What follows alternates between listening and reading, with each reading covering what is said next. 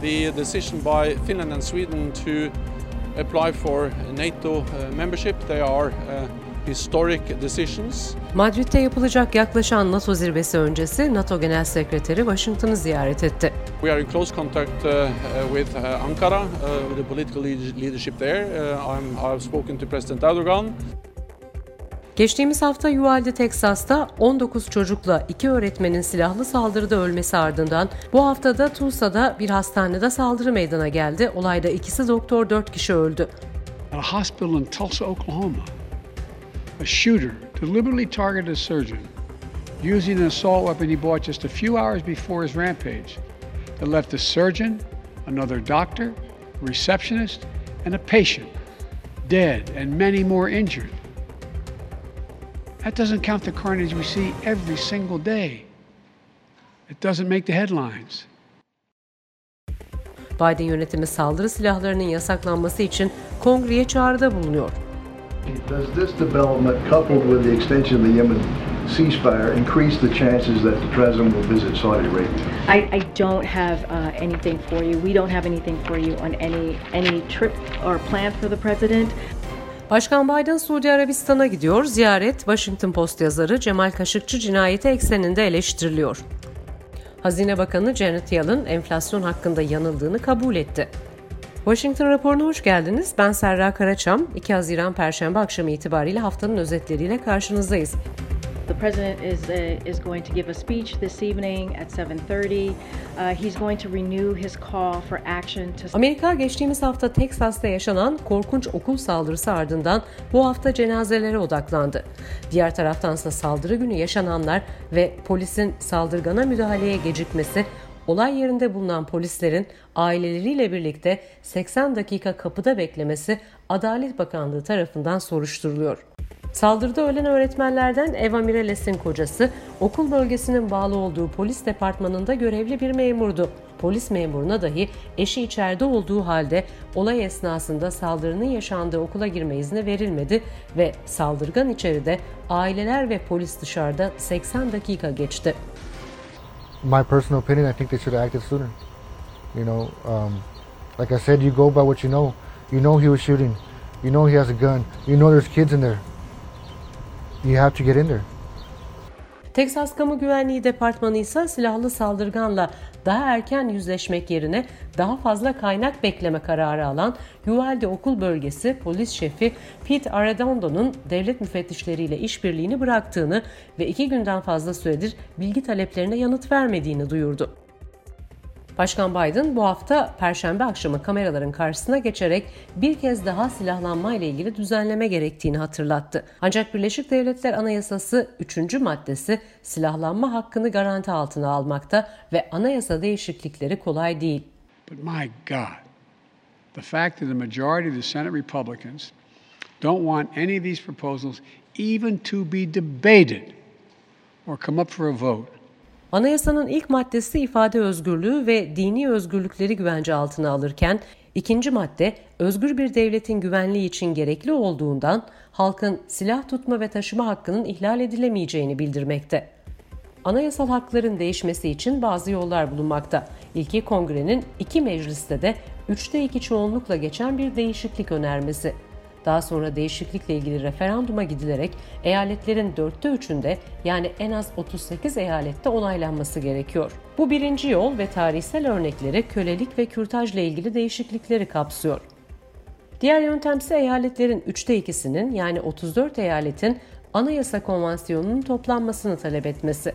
Bu şekilde eyaletlerin sunduğu değişiklikler yine eyaletlerin dörtte üçü olan 38 eyaletçe onaylanırsa değişiklik geçerli olabiliyor.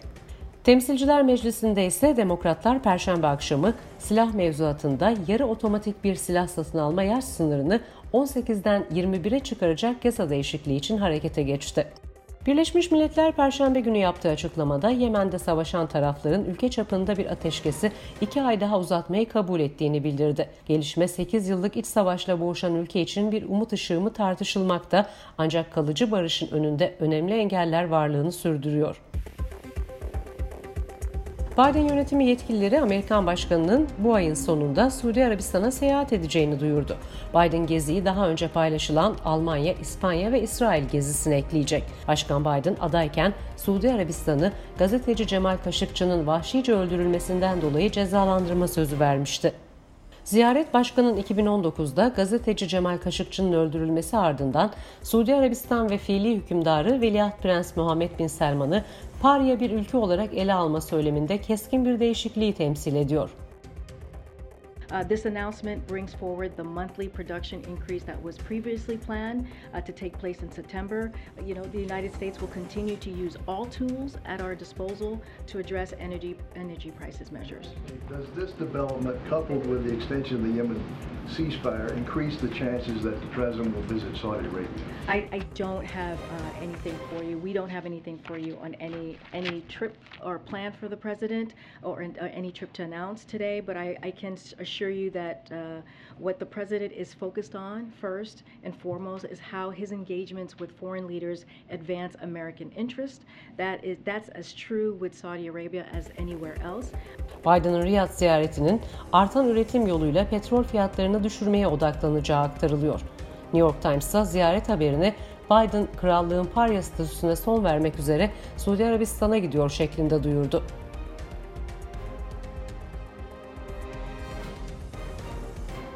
Amerika daha uzun menzilli roket sistemlerini de dahil ederek Ukrayna'ya yeni 700 milyon dolarlık güvenlik paketi yardımı açıkladı.